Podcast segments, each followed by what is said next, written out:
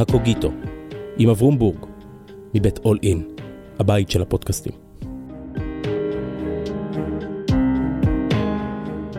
שלום כאן אברום בורג, ברוכים השבים וברוכות הבאות לקוגיטו, אל ספריית הטקסטים של הישראלים, והיום עם פרופסור דוד שולמן. שלום דוד. שלום.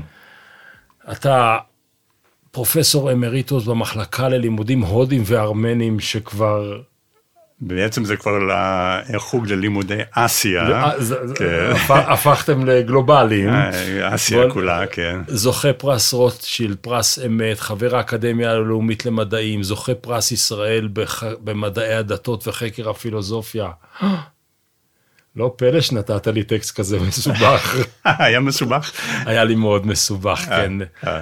רק בשביל הגילוי הנאות, נסענו יחד לחווארה, ובהפסקה שבין לבין אמרתי, דוד, תן לי טקסט. Mm-hmm. ויכול להיות שבגלל הנסיבות, אה, אבל אני חושב שלא רק כי קראתי מה שכתבת, אחרי התבייתנו על ולדימיר ינקלביץ'. אז אתה עוד חייב לי טקסט בסנסקריט, אה, ספרותית או מדוברת. בשמחה. אבל ולדימיר ינקלביץ', מי האיש?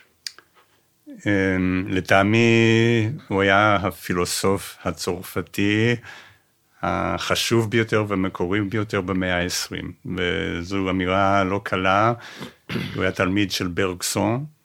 אנרי ברגסון. אנרי אוקיי. ברגסון. ושל לב שסטוב, אולי נדבר קצת על שסטוב, אבל הוא בפמליה המפוארת הזאת, שכוללת את סארטר ואת לוינאס ואת מרלו פונטי ואחרים. שוב אני אומר, לטעמי המקורי והיצירתי מכולם, והספרים שלו, שהם פורסים יריעה מאוד מאוד רחבה, במיוחד בפילוסופיה של המוסר, אבל לא רק, כלומר באתיקה, אה, הרבה ספרים אגב על מוזיקה, הם רלוונטיים מאוד אה, לפי דעתי לימינו אנו כאן בארץ, גם לחווארה, גם לירושלים. הוא נולד ב-1903, אה, בן למשפחה יהודית רוסית שהיגרה לצרפת, נפטר ב-1985 אם אני לא טועה, ואני חושב שאנחנו נדבר היום על הספר נפלא שלו, שנקרא La mauvaise conscience, המצפון הרע. או בגרסה אה, קצת יותר מאוחרת, forgiveness, על סליחה ומחילה. זה בעצם אותו ספר במרחק של כמה עשרות שנים. זה אותו ספר עם תפיסה מאוד מעניינת, ונגיע לטיפה ליותר מאוחר, שבעצם מרבית הספר הזה מוקדש למה זאת לא סליחה. ורק בסוף אתה בעצם מבין שמתוך מה שנותר זאת הסליחה. Uh, כן, אני חושב שאולי נדבר קצת על חרטה, כי הספר כן, הראשון... רימורס. רימורס, כן, כן. בוא רגע, רגע, לפני כן. שאנחנו צוללים אליו, בוא קצת נלך כן. מסביב, נלך קצת מסביב. אתה כתבת את תקווה מרה. כן. שהוא לא ספר פילוסופיה שלך, הוא יומני אקטיביסט. נכון. ואני זוכר שקראתי שם, שאתה אומר ככה, וזה מה, שזה בעצם פניתי אליך לכתחילה. Mm. אתה אומר, במסגרת העובדות הרלוונטיות יותר, ניתן למנות את אהבותיי ותאוותיי השונות. מוסיקה הינדוסטנית, שירתו של חפז, רביעיית אופוס 132 של בטהובן, סזר המאוחר, ריחה של יוון, שפת הטלוגו, ספריות עתיקות, וכולי וכולי. אמרתי, מתוך זה בטח יבוא איזשהו טקסט שאני יכול לחיות איתו.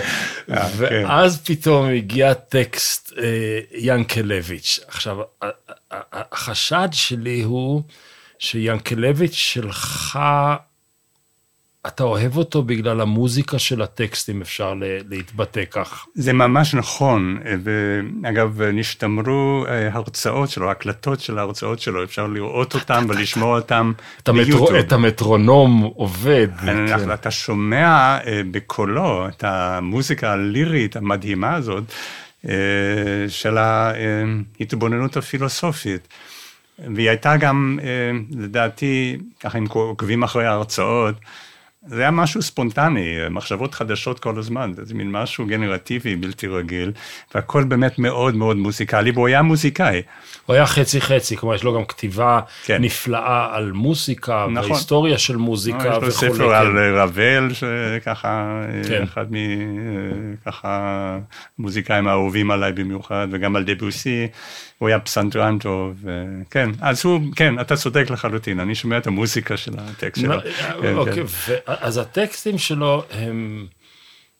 שוב, אני לא חלילה מבין יותר מדי, אני קראתי את מה שנתת לי, וקראתי את זה גם בצרפתית כדי לנסות להבין כן. את, ה, את המקצבים הפנימיים או את המשלב שלו, והוא בעצם כל הזמן שובר תבניות, אבל יש קצב פנימי מאוד מאוד הגיוני. והוא הוא, הוא כמעט כותב בספירלה, הוא לוקח נושא והוא חופר וחופר, וכשהוא מגיע חזרה הוא עולה עוד קומה. כן. וחופר עוד קצת ועולה עוד קומה. תמיד עם הפתעות גם. כל הזמן יש טוויסט. כן, כן, זה, זה לגמרי נכון. אה, וגם לא צריך לקרוא את הספרים האלה מההתחלה עד הסוף. כאילו, פותחים. איפה שאתה. נופל, כן. כן, כן. זה לא אמור להיות קריאה ליניארית. אתה קורא פסקה, עמוד, שני עמודים, שלושה עמודים, זה מספיק לכלכל שבוע של אה, הרהורים ומחשבות. כן, זה מחזיק אותי כבר יותר משבוע. כן. הוא התחיל לעסוק בנושאים האלה של אתיקה, והאדם ומעמדו, וצדק ומוסר, אחרי המלחמה. אה, המלחמה הזאת מלחמת העולם השנייה, כמובן. כן, הספר שאני הייתי רוצה להתמקד בו, והוא זה שנגע לליבי אולי יותר מכולם, זה הספר על המצפון הרע, ושזה בעיקר על חרטה. זה הופיע ב-1933. זה חשוב, כי אנחנו קודם כל יודעים מה קרה באירופה ב-1933. הוא שרד את המלחמה, והוא היה גם ברזיסטנס. אה, וסיכן את חייו שוב ושוב. היה ויכוח מפורסם בינו לבין סארטר. סארטר החזיק אה, עצמו כאיזה פעיל ברזיסטנס, אבל בעצם הוא ישב בבתי הקפה רוב הזמן וכתב, והייתה התכתבות סוג ביניהם. של פעילות. כן. כן. הייתה התכתבות ביניהם, שבמהלכה אה, ינקי ליבץ' כתב לו, אה, פרסם בעיתון, הוא כתב ל- לסארטר, הוא אמר, להתנגד זה לא ללמד איך להטות את הפועל להתנגד. אלא לפעול. כן. והוא באמת אה, פעל אה, ושרד את המלחמה, והוא היה קצת חי בפריפריה של האקדמיה, הפילוסופיה האקדמית הצרפתית, אה, עד ל... אולי ל-20 השנים האחרונות לחייו, כשהוא היה כבר פרופסור בסורבון, לאתיקה, לפילוסופיה של האתיקה. הוא במובנים מסוימים, חוץ מה... הדואליות או ההיברידיות המוזיקלית-פילוסופית שלו, למרות כל בתי הספר הנפלאים ביותר שהוא למד בהם ולימד בהם, והקתדרות וכולי, בין השאר הוא הרחיק את עצמו, כי אחרי המלחמה הוא קבע קביעה גיאופוליטית בעלת משמעות אדירה, שאי אפשר לסלוח לגרמניה. כן. אמ, ואז לא הגרמנים ולא היהודים שעשו סוג של שולם עם גרמניה, יכלו להכיל אותו. כן, בזה הוא מזכיר קצת את אה, ז'אן אמירי, שגם כן אה, לא אהב את ה... את, בלשונו של אמירי, זה בן דורו כמובן, אמירי אמר שהוא לא רוצה להצטרף לרכבת הזאת של כל מיני אינטלקטואלים כמו מאוטין בובר ואחרים, אולי גם לוינס, שמיהרו לסלוח. עשו איזה מין חגיגה של סליחה. אמרי הוא בעל חשיבות, אבל לא נעסוק בו כרגע. לאמרי היו שתי מסקנות שונות לגמרי משלו. הוא נטש את הגרמניות, אבל כן. האשים את כל הציוויליזציה המערבית נכון. בכישלון, והדבר השני, הוא לא ראה שום אלטרנטיבה מלבד ההתאבדות. ויאנקלביץ' לא היה אה, מתאבד, הוא לא היה אובדני בהקשר הזה. ממש לא. לכן, הם שני יהודים, פרנק, פרנקופילים מאוד, מהגרים לתוך צרפת, או דור ראשון להגירה, כן. אבל מאוד לא אותו דבר. לא, הם לא אותו דבר בשום, בשום צורה. אה, אמרי צריך לזכור אה, עונה קשות. אה, בירי באושוויץ. הוא, אה, הוא נולד בתור האנס מאייר, ובתור כן. אנגרם על שמו, הפך את, את uh, מאייר לאמרי, כן. אבל עוד לפני שהוא הגיע לאושוויץ, הוא עונה בבלגיה, איפה שהוא נעצר על ידי ה-SS, הוא כתב גם מסה מפורסמת, אה, נוקבת, חמש אה, מאות. על זה, על העינוי, על עינויים. אני חושב שזה, אי אפשר, אי אפשר להתאושש מזה כנראה, וככה ככה הוא גם כותב. והוא לא רצה לסלוח, הוא חשב שסליחה או מחילה שמגיעות בק- בקלילות, או מהר מדי, זה איזשהו מהלך אה, על-טבעי, נגד הטבע, נגד הזמן גם, כי העניין של העינוי, של פשעי או מלחמה או פשע נגד האנושות, הזמן הזה, כאילו הזמן הטבעי רץ קדימה, יש לו את התהליך האוטומטי של הריפוי האיטי וכך הלאה, אבל הזמן שמי שנזכר בעינויים שהוא עבר, הוא זמן שהוא לא זז בכלל, כן? והוא לא מאפשר גם את הסליחה, כאילו, המזדמנת, הקלילה הזאת, היא לא מאפשרת. בזה הם כן. דומים, אז בואו כן, בוא כן, ננוע לכיוון סליחתו, סליחתו של, אה, של ינקלביץ'. הוא טוען שסליחה היא סוג של נס. Mm. באיזה מובן נס? כי החיים והזמן והיקום נעים באופן ליניארי לכיוון שאין ממנו חזרה, irreversible. אה, כן, על זה הוא כותב. כן, הוא, הוא כותב שאין ממנו חזרה, ואתה יכול לעשות כל מה שאתה רוצה, אתה לא יכול לבטל את מה שנעשה, כי הזמן לא חוזר על עצמו. ובמובן הזה, אז הסליחה שבעצם מעיינת אירוע שכבר קרה, היא נס. ואם כן. הולכים עם איזה צעד נוסף קדימה, הנה בלשונו המוסיקלית, אין חובה לסלוח. כן. סליחה אמיתית היא בשוליים של החוק, מתנת חינם מהנפגע לפוגע. כן, זה קשור לעניין החרטה, כי אה, ינקילביץ', יש לו אה, מין תיאוריה יוצאת דופן על החרטה, זה קשור מאוד לנס הזה של הסליחה, כי האדם שחווה חרטה אמיתית, ותכף צריך לאפיין אותה על פי התיאוריה הזאת של, של אה, אה. ינקילביץ', מי שחווה, אה, מי שחווה חוויה אמיתית של חרטה עמוקה, אז הוא מתרפא. ויש, והריפוי הזה הוא גם נס. בעצם הוא חושב שהחרטה, הכאב של החרטה, והוא בעד הכאב הזה, הכאב של החרטה, זה סימן של נפש בריאה שמנסה לרפא את עצמה. ומי שמצליח באמת להתחרט, וזה לא, לא יכול להיות איזה מין פעולה רצונית או מכוונת, זה צריך להיות משהו ספונטני שקורה מתוך, ה, מתוך הנפש, אז אדם כזה חווה, הוא קורא, יש לו מונח נפלא, הוא קורא לזה moral joy, זאת אומרת חדווה מוסרית, שהיא סוג של עונג, כמו סוגים אחרים של עונג, ואגב, ינקלביץ', הוא היה בעד העונג והחדווה, הוא חשב שזה... צרפתי. כן, כן, הוא חושב שזה זה עדיף אה, באלפי מונים על פני הסגפנות האסקטית המחמירה של חלק מהפילוסופים שאנחנו מכירים. אז כן. אני, ארצה, אם יהיה לנו זמן, לחזור לדרידה שיוצא ממש מהנקודה הזו של, כן. של ינקלביץ' בנושא הסליחה והחרטה, אבל רוצה ללכת קצת יותר לאט. במנגנוני הסליחה והחרטה וכולי. אה, אמ, הוא אומר, או שלפי דעתו, אם אתה סולח לפוגע, או רוצה להתפטר ממטעני השנאה והכעס שבתוכך, כי זה מבעבע, כי זה מעכיר את רוחך, כי זה לא נוח לך, או במילים שלו, אם לסליחה יש סיבות או הסברים, היא אולי פיוס, אבל היא לא סליחה, כי אתה עושה אותה... ל...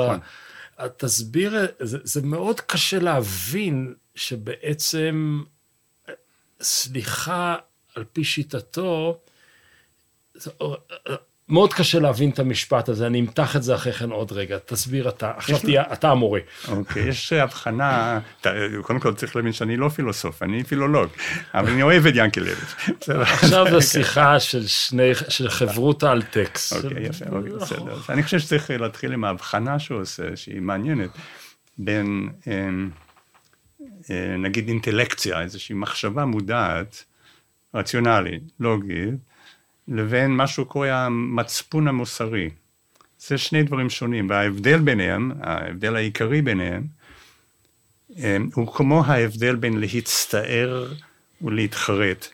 חרטה, חרטה זה משהו שנובע מעמקי הנפש, כך הוא חושב, חרטה אמיתית, ספונטנית, שהיא נולדת אצל מי שעשה איזשהו דבר, שהוא מתחרט עליו, אבל מתחרט בלי שהוא תכנן איכשהו להתחרט עליו, החרטה מציפה אותו מבפנים ומכאיבה לו.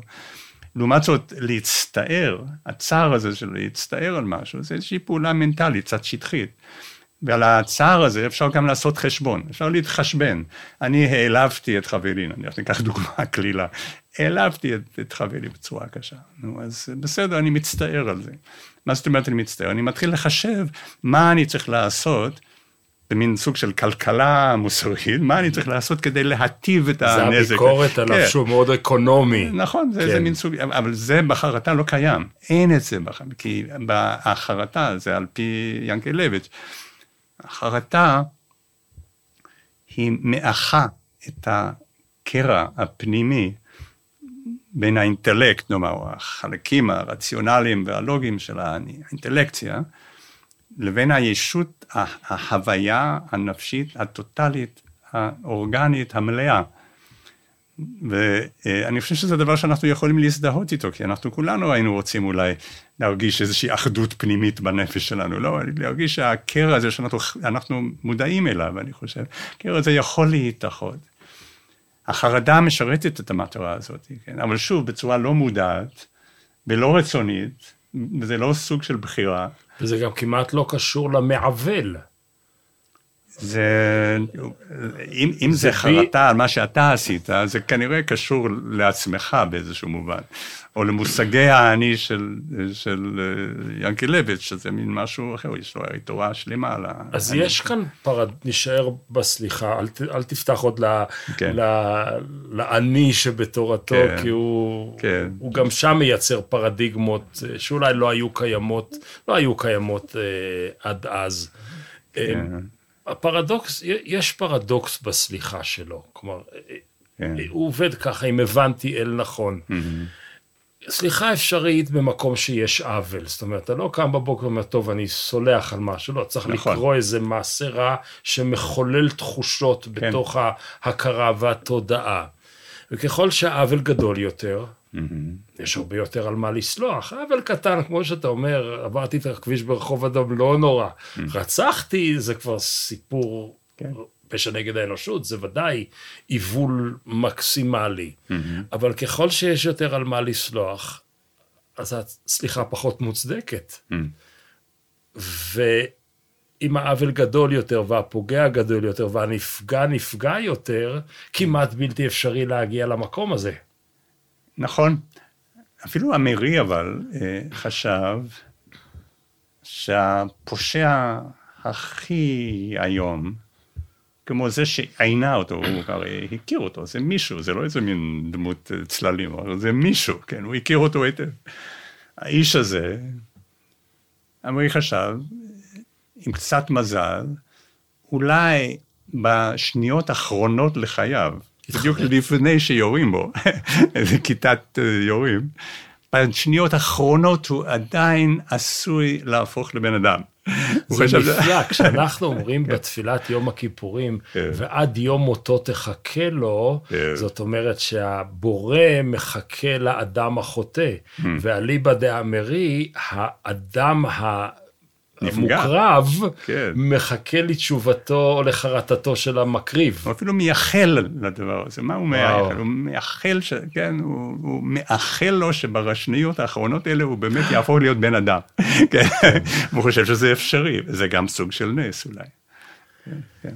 הנה, יש לנו הרי דוגמאות חיות מהניסיון שלנו. אני חושב שלמשל, אם הייתי צריך לבחור בדמות מסוימת שאני מכיר מה...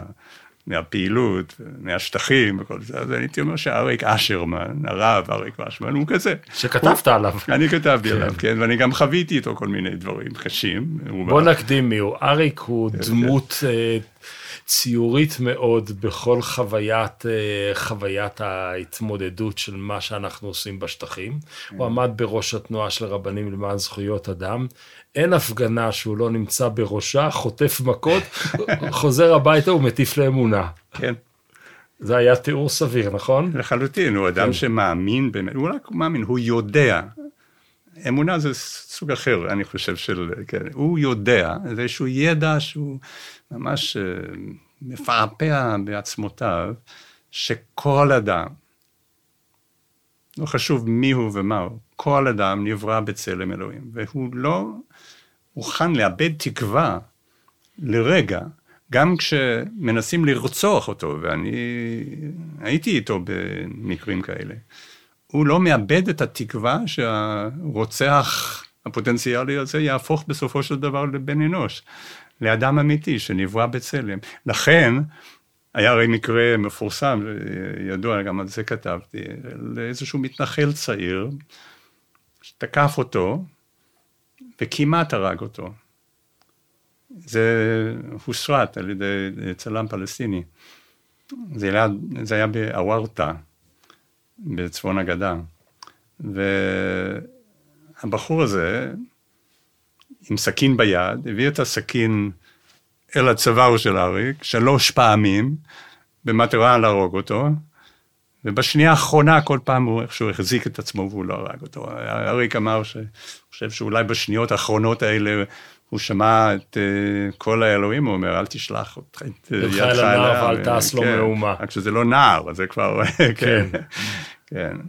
אחרי זה, אה, הבחור הזה נעצר, זאת אומרת, הם מצאו אותו והוא נעצר והיה משפט, ואריק כמובן העיד במשפט, אבל הוא לא רצה צדק נקמני.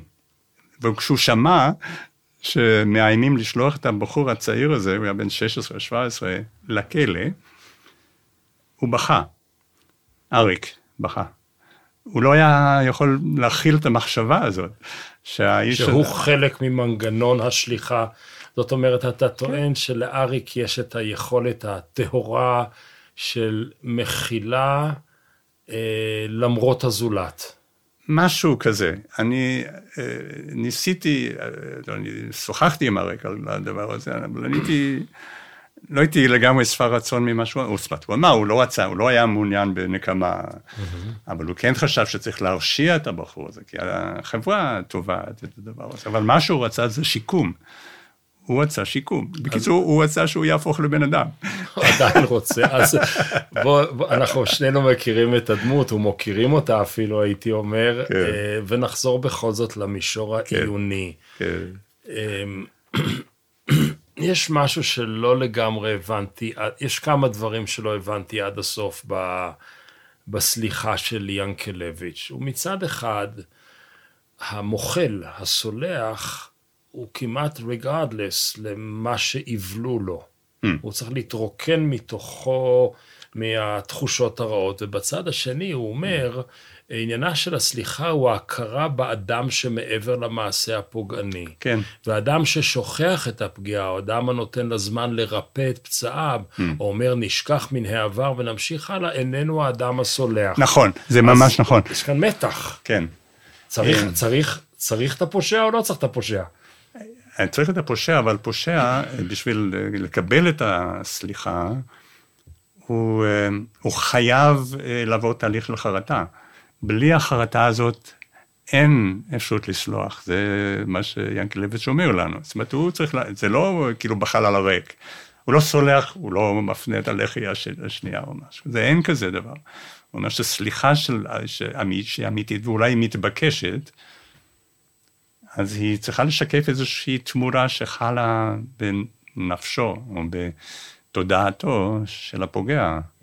אז יש, אז זה מצב אבסורדי, הוא גם פגע בי, ועכשיו כדי שאני אתרוקן מכעסיי, אני בן ערובה לתיקון שלו. כן, ואני לא יכול לייצר את התיקון הזה. אין לי שום, זה הרי לא אז בידי. זאת, אז זאת קורבנות מתמשכת. כי אם הוא לא ישתנה, אז אני לא יכול לסלוח, אז אני מתבשל בכעסיי, או בנקמנותי. יכול להיות שיש, אני לא יודע, יכול להיות שיש אה, מקום לאיזושהי טרנספורמציה נפשית, גם אצל הנפגע, בהיעדר החרטה אה, אצל התוקף. אנחנו גם מכירים דוגמאות לדבר הזה, יש, אה, כן, יש לא מעט, אני קראתי ספר מדהים של אישה, עיתונאית שחורה מדרום אפריקה, אה, אמה נרצחה על ידי גדול המרצחים של משטר האפרטהייד, והוא, אחרי נפילת האפרטהייד, הוא כמובן נשפט, ו... הוא היה בכלא הרבה שנים, והיא הלכה לראיין אותו. לא רק לראיין אותו, היא ראתה אותו הרבה מאוד פעמים. ובסוף השיח שהתפתח, היא כנראה האמינה לדבריו, הוא אמר שהוא מתחרט. היא כנראה האמינה לו. זה לא היה מובן מאליו, כי הוא כנראה רצה להמתיק את עונשו. אבל היא כנראה האמינה לו, ובסוף התהליך הזה, שהוא היה תהליך יחסית ארוך, היא אמרה שהיא סולחת לו, בלי שום חשבון. בלי חשבון, היא סולחת. וזאת אימא שלה, והוא עצמו, האיש הזה שעמד בראש ה, ככה שירותי, השירותים החשאיים של דרום אפריקה בתקופת האפרטהייד בשיאה, אז uh, הוא בעצמו מצא את אימה, אחרי, אחרי איזשהו מערב, והיא ככה שכבה, שותתת דם וגוססת, והוא ירה בראשה וחיסל אותה. אבל היא סלחה לו. אז מסתבר שזה אפשרי, הדבר הזה. זה בטח מעל לקוחותיי. אני לא חושב שהייתי מסוגל לפעול ככה, אני לא חושב, אבל הנה, מסתבר שיש כאלה דברים בעולם. אתה שאלתי שאלה אחת וענית לי תשובה שנייה, כי אני עדיין נבוך בתוך ינק, תורת ינקלביץ', yeah. כן. למה הוא לא משחרר אותי פילוסופית ממחויבות לתיקון של הזולת? אני טעון במטעניי. Mm-hmm. הוא עשה לי מעשה שלא יעשה, אבל אני רוצה להתרוקן מהמטענים שלי, אז אני mm-hmm. סולח, ושהוא ימשיך להיות איש לא טוב. תשמע, אמ, קודם כל זה נובע, זה נובע מכמה וכמה מקומות אה, במחשבה אה, של אה, ינקלביץ'. בוא ניקח שנייה את המקורות שלנו, מה, מה ההלכה היהודית אומרת על הדבר הזה, נכון? זאת אומרת, זה מין סוג של חוב. מישהו פגע בך, אז הוא חייב לך משהו. מה הוא חייב? הוא חייב את החרטה. הוא צריך לא רק להתנצל, הוא צריך באמת להתכוון לזה שהוא... חרטה לעבר וקבלה לעתיד. כן, ואז, על פי ההלכה לפחות, וגם הרמב"ם כותב כך, פי ההלכה, אתה אמור לסלוח. אם הוא מביע חרטה אמיתית, מבקש סליחה, אז אתה אמור להיענות לדבר הזה. גם זה דבר גדול, אני חושב שזאת משימה קשה. אז בוא נשאר רגע באזור של הדיאלוג הזה, האם הפושע או המעוול הוא מחולל את תהליך הסליחה, או שהנפגע הוא מחולל, אבל יש כאן ללא ספק קטע לוינסי בובריאני שאני צריך להתמודד עם האחר. Mm-hmm. נכון? יש כאן קטע דיאלוגי, גם אם הדיאלוג הוא נורא נורא קשה. אני חושב שהתהליך הזה שעובר על הפוגע, המעוול, כמו שאתה קורא לו, אמ, הוא תנאי. זה לא אומר שזה כאילו כל, כל העניין. גם הפגוע עובר איזשהו תהליך. ואין ספק שגם אצל אה, ינקלביץ', שהנפגע הוא, אה, הוא אמר ככה, הוא יהיה בר מזל אם הוא בסופו של דבר יוכל באמת לסלוח, כמו שאתה אומר, להשתחרר מהמטען הדבר הזה, אבל זה שוב, הוא אומר שזה נס. לא קשה להבין כן. מדוע חובת הסליחה היא הבעיה שבה אנו דנים היום. הוא אומר באחד הכינוסים של האינטלקטואלים הצרפתים, כן. שמהם נובעים חלק מהכתבים האלה. כן. הסליחה שצריך אדם להעניק לפוגע ולרודף קשה היא באופן יוצא דופן. בדיוק. למספר רב של אנשים שהושפלו ונפגעו.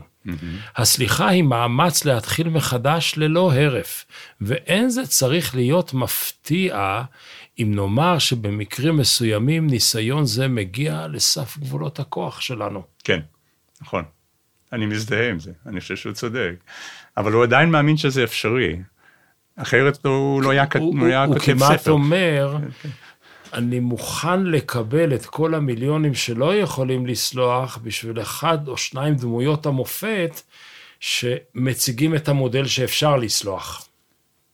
כן, אני חושב שהוא חושב שזה אה, זה תהליך אה, נדיר, מאוד נדיר. אבל הוא כתב ספר שלם על מחילה, הוא כנראה מאמין שזה כן אפשרי. גרמניה. אז אם הסליחה היא אפשרית, אפילו במקרה הכי קשה בעולם, כן. הוא אומר, אמ, אני תכף אמצא את הציטוט, שהסליחה מתה, תכף אני אמצא את זה בדיוק, הסליחה מתה במחנות המוות. כן, אז אם הסליחה מתה, אז כל התזה קורסת. כי התזה שלו היא שהסליחה חיה אפילו אם רק אדם אחד מקיים אותה. כן. אמ, שוב, אני רוצה לומר, אה, יש לו את ה... כנראה את החוויה האישית שלו, אני חושב, של ה... אמ, הבקיעה של העונג המוסרי הבלתי רגיל. שוב, זה בבחינת איזה סוג של פלא, הוא כנראה חווה את זה, הוא יד... ויש לו, הפרק האחרון של הספר שלו על המצפון הרע, הוא כל כולו מין שיר תהילה, הלל, אה, לחוויה המדהימה הזאת של העונג המוסרי. אבל זה טעון תהליך של ריפוי. כן, אתה צריך לעבור 80% מהספר כדי להגיע- לפרק המעלה הזה. זה אחת ההפתעות המדהימות של הספר, זה נכון, אתה צודק, כן, כן, אתה קורא על חרטה מסוגים שונים, הוא אומר שהחרטה זה הישג אנושי נדיר, כן? אבל הוא אומר בעיקר גם שגם צריך, אה, צריך להתייאש וצריך לכאוב. הוא מצטט את קירקגרד, קירקגרד אמר שהייאוש העמוק ביותר זה לא להתייאש. הי- לא, עוד לי- פעם, הייאוש, זה קירקגור של עקדת יצחק. כן, כן, אז כן. הייאוש הגדול, הגדול ביותר, זה שלא התייאשת. שאין לך אופציה להתייאש בעצם. אתה, כן. כן, או אפשר גם להגיד את זה אחרת, כי אה, יש שאלה של, אמ, אני יודע, אנחנו מדברים פה על אה, שאלות שהן לא רק תיאורטיות, זה מציאות שאנחנו מכירים מיום-יום אצלנו, אולי כל אחד מאיתנו, בטח כל אחד שמגיע לשטחי הכיבוש. אנחנו מדברים על, על איזה סוג של אטימות. זאת גם בעיה הודית אגב, אני רוצה להגיד, אם אפשר, אם מותר, מילה אחת. כן. כמעט לזה שם זה התכנסנו, כן. תשמע, אה, אני חושב שהבעיה הגדולה של אסכולת האדווייתא, אי השניות, שזאת האסכולה הפילוסופית הדומיננטית, אפשר להגיד, היוקרתית ביותר בהודו. בהינדואיזם. בהינדואיזם, נכון. כן, אז הם חושבים, זאת אומרת, יש איזה מין אה, עולם אחדותי אורגני, אבל אנחנו בעצם לא יכולים לחבור אל העולם הזה, להיות חלק מהעולם הזה, בגלל איזושהי מין טעות קוגניטיבית שאנחנו כל הזמן עסוקים בה. אנחנו משליכים כל מיני טעויות על העולם. אבל מאחורי, מאחורי אה, ההבחנה הזאת, או נקודת המוצא הזאת, יש שאלה שהיא יותר עמוקה, אני חושב, כי האחדות, האחדות של, אני לא יודע, אנחנו היינו רוצים להרגיש אחדות, כן? אבל השאלה, לפי דעתי, הקיומית, שהיא השאלה של הדווייתא הקלאסית, היא מדוע אנחנו איננו מממשים את כוח החיים האמיתי שלנו, חוץ מאשר באחוזים מעטים, אולי חמישה אחוז או עשרה אחוז, אנחנו חיים עם דרגות אטימות וקהות חושים בלתי רגילות. מבזבזים את החיוניות שניתנת לנו, אם היוולדנו, בגלל האטימות הזאת. עכשיו, אני יכול לתת לכם דוגמה. מה זה אטימות? ובואו זה כן מתקשר ליענקלביץ', כי אנחנו מדברים על אנחנו מדברים על האתיקה, נכון? תראו, אני אתן לכם דוגמה. אני פגשתי מישהו, אני לא רוצה לנקוב בשמו, אני לא שאלתי את רשותו. זה בחור מאוד מאוד אה, חכם, שירת אה, שלוש שנים בשטחים, בצבא, עשה את כל מה שהחיילים עושים בשטחים, אני לא צריך למנות את כל הרשימה הלא טובה הזאת. הוא גם פיקד על איזה מחסום, הוא פרץ לבתים בלילה, הוא עשה את הכל, כל מה שהם עושים. עוולות ללא ספור, יום-יום. והוא לא הרגיש כלום, ככה הוא אמר. כל השלוש שנים הוא היה בנוטרל, לא הרגיש. הוא קורא לזה, אני חושב שיאנקלביץ' קורא לזה, לא ש... קהות, קהות, קהות מוחין. בדיוק, קהות נכון. מוחין, ככה הוא היה. הוא אומר שאפילו בשבתות הוא היה חוזר הביתה, גם שם, הוא לא התמודד, לא הרגיש את הדברים האלה, לא חש אותם, זה הקהות הזאת. אבל כמה חודשים אחרי שהוא השתחרר, פתאום היה התקף חרדה מסיבית, מדהימה, שהיא איזה סוג של התעוררות גם. פתאום הקהות חושים הזאת מפנה חלק מה... ככה מרחב של הפנימיות, והוא התחיל לכאוב את הכאב הזה. הוא אחרי זה הלך הלאה, עשה דוקטורט בפילוסופיה, והוא כתב על, על, על הדברים האלה, אבל הנה זאת, הנה, זאת דוגמה של האדווייתא. למה האדווייתא מתכוונת? היא מתכוונת לזה שאנחנו לא חווים בעוצמה אמיתית ובזמן אמת את הדברים האלה שהם בעצם המהות האמיתית של החיים האמוציונליים שלנו. אנחנו מדחיקים אותם, או לא יודע, ככה מסלקים אותם, או משהו כזה. עכשיו, אם כך המצב, אז זה קצת מסביר, אני חושב, את השאלה שלך לגבי הסליחה, לא? כי כדי לסלוח, אתה צריך איכשהו לצאת מהאטימות הזאת. משהו צריך לזעזע את קהות החושים, את האטימות האופפת אותנו, כדי שתוכל להרגיש באמת את הנס הזה של החיים. מה זה להיות חי? זה, זה כרוך בכאב. אין מודעות שאין בה כאב. יש אולי תודעה בלי כאב, אבל אין מודעות בלי כאב. אני שותק כי, כי אני פתאום מרגיש אה, ב, ב, בארץ לא מוכרת, בטרה אינקוגניטה, כי אתה בעצם מדבר איתי על פסיכופילוסופיה. כן, לא יודע אם יש משהו אחר. לא, אני לא יודע אם יש מושג כזה, אבל אתה בעצם אומר, יש כאן תהליכים פנימיים שהם בין הפילוסופיה של האתיקה לבין המצב הנפשי שלי, כן. שיכול או לא יכול לקבל את זה ברגע נתון. זה ינקלביץ', אתה תמצת את ה, אולי את הגישה המתודית של ינקלביץ', שהוא אמר אה, ככה, הוא, הוא היה כמובן מעוניין בשאלות אה, פילוסופיות לשמן, בסדר, הוא היה פילוסוף גדול, אבל אני חושב שהוא בעיקר היה מעוניין בחוכמה. היום הפילוסופיה האקדמית היא לא תמיד... אה, חוכמה uh, במובן של סופיה. כן, סופיה בדיוק, של סוקרטס, כן, או אפלטון, או, כן, כן. וזה באמת פסיכו-פילוסופיה, אתה צודק, סוקרטיס גם, כן, הוא בדק את אה, כל נימי נפשו הנגישים, והוא רצה לדעת איך לחיות. והשאלות האלה, הנה, כל שני הספרים האלה שאנחנו מדברים עליהם, על המצפון הרע ועל הסליחה, הם שניהם בעצם עוסקים בשאלה איך אדם צריך לחיות, איך אנחנו אמורים לחיות, ומה הבעיה ומה האתגר.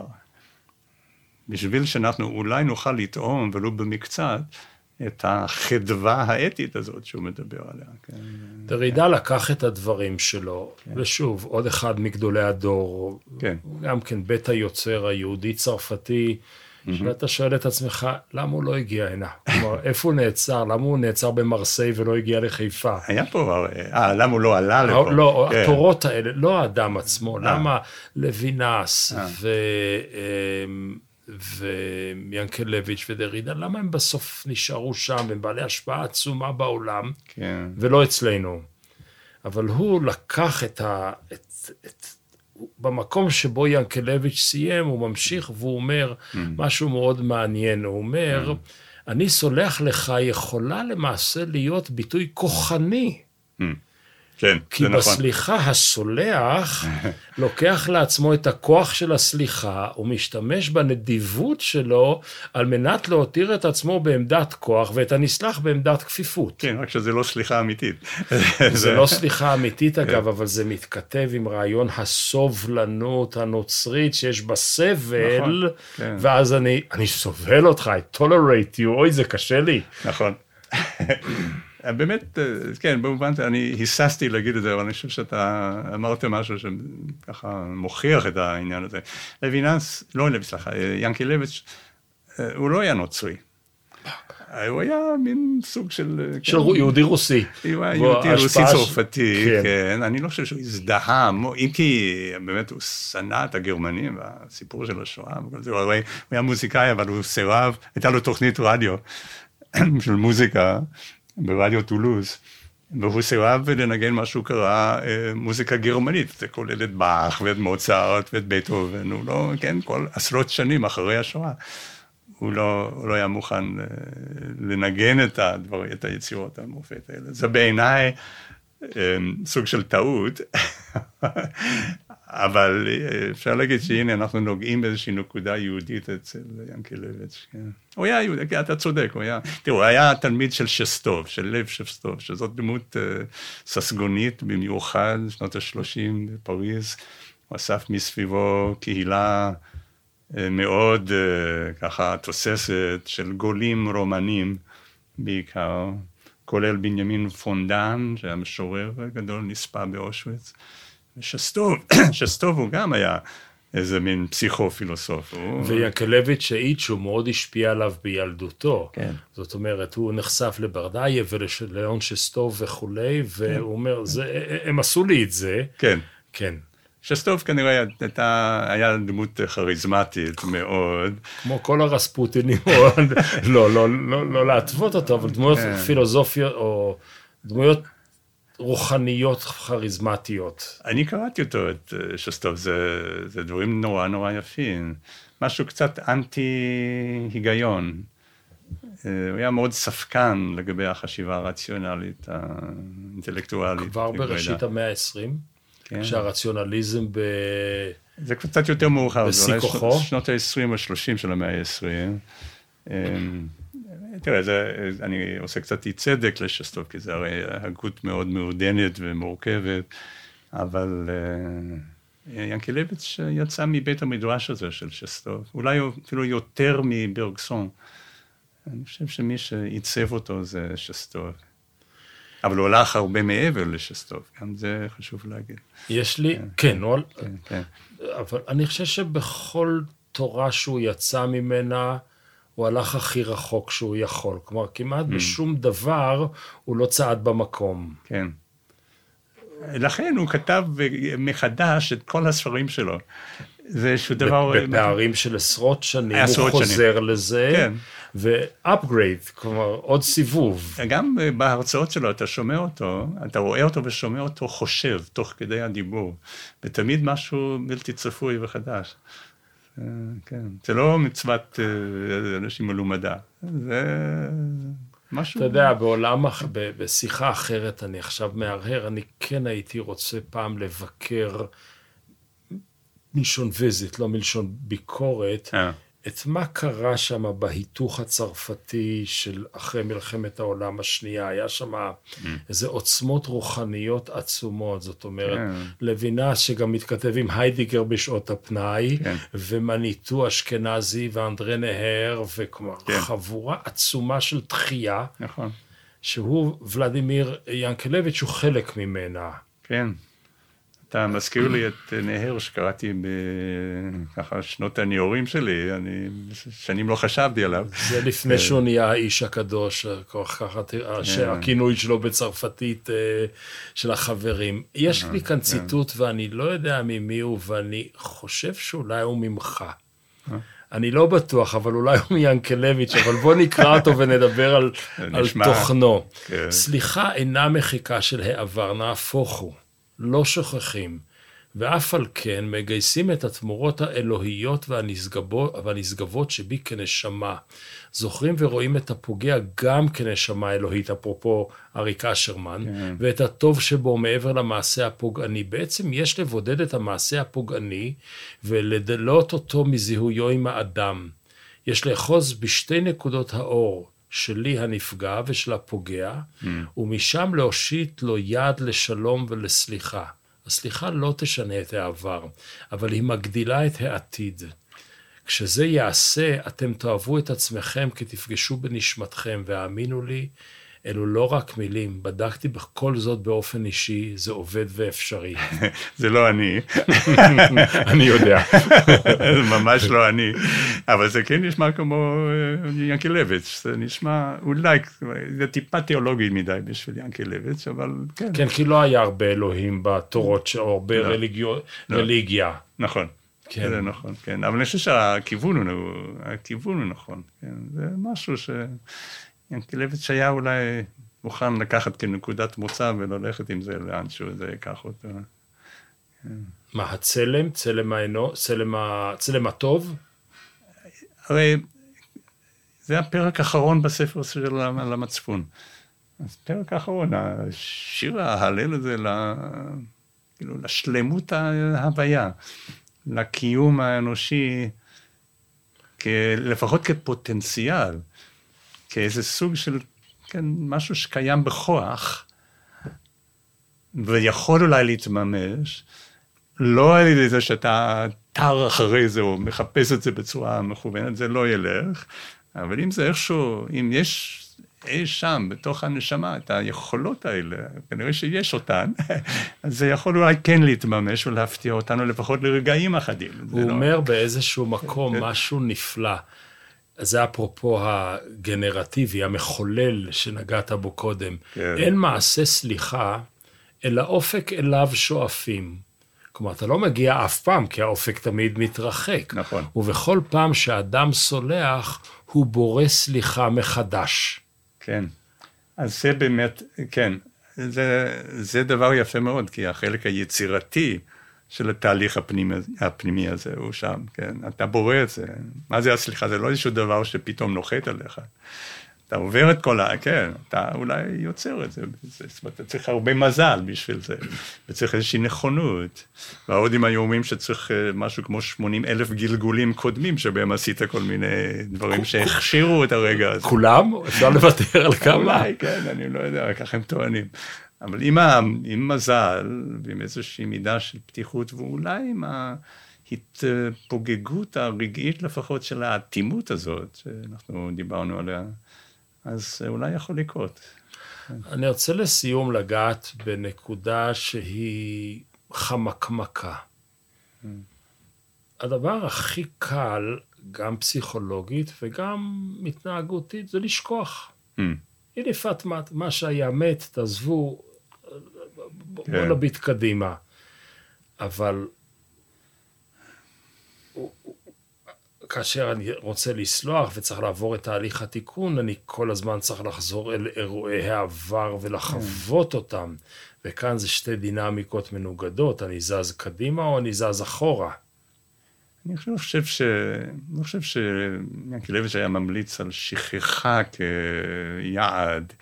זה גם נשמע אינסטרומנטלי. יש מלא אנשים שיגידו, בוודאי שצריך לסלוח, לסלוח, כי היינו רוצים להשתחרר מהמטען הזה, אנחנו רוצים ללכת קדימה, למה לחיות בעבר?